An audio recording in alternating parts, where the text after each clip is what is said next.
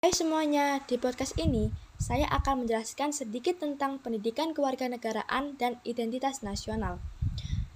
Apa sih pendidikan kewarganegaraan itu? Pendidikan kewarganegaraan pada dasarnya merupakan dasar pengetahuan tentang keindonesiaan, bagaimana menjadi manusia yang berkepribadian Indonesia, serta mencintai tanah air. Nah, belajar mengenai pendidikan kewarganegaraan sudah menjadi keharusan bagi setiap warga negara, karena mereka diharapkan dapat menjadi warga negara yang baik dan terdidik dalam kehidupan berbangsa dan bertanah air. Seiring dengan berjalannya waktu, pendidikan kewarganegaraan senantiasa mengalami perubahan, baik mengikuti perkembangan perundangan ataupun mengikuti perubahan yang terjadi di masyarakat. Karena sampai saat ini, proses perjuangan untuk menjaga negara dan bangsa Indonesia belum selesai dan masih memerlukan waktu yang panjang.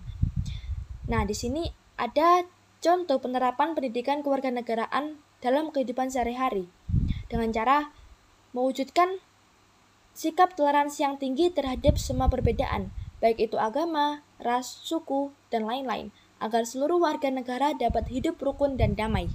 Nah, pembahasan yang kedua tentang identitas nasional.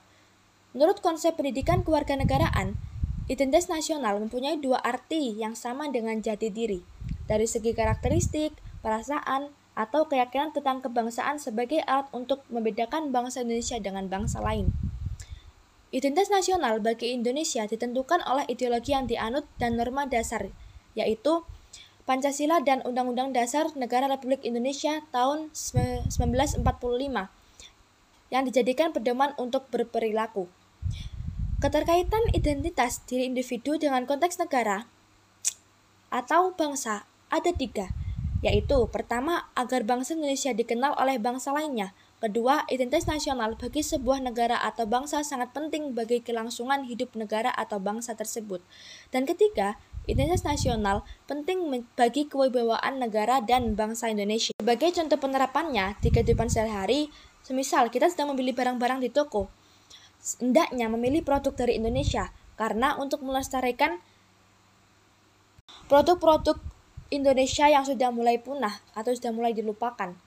Dan yang kedua, ketika kita memanfaatkan kecanggihan teknologi, hendaklah memanfaatkan dengan sebaik-baiknya, seperti menjaga perkataan yang dapat menyinggung negara lain saat kita memposting uh, status, foto, ataupun yang lainnya yang kemudian dapat memperburuk nama Indonesia.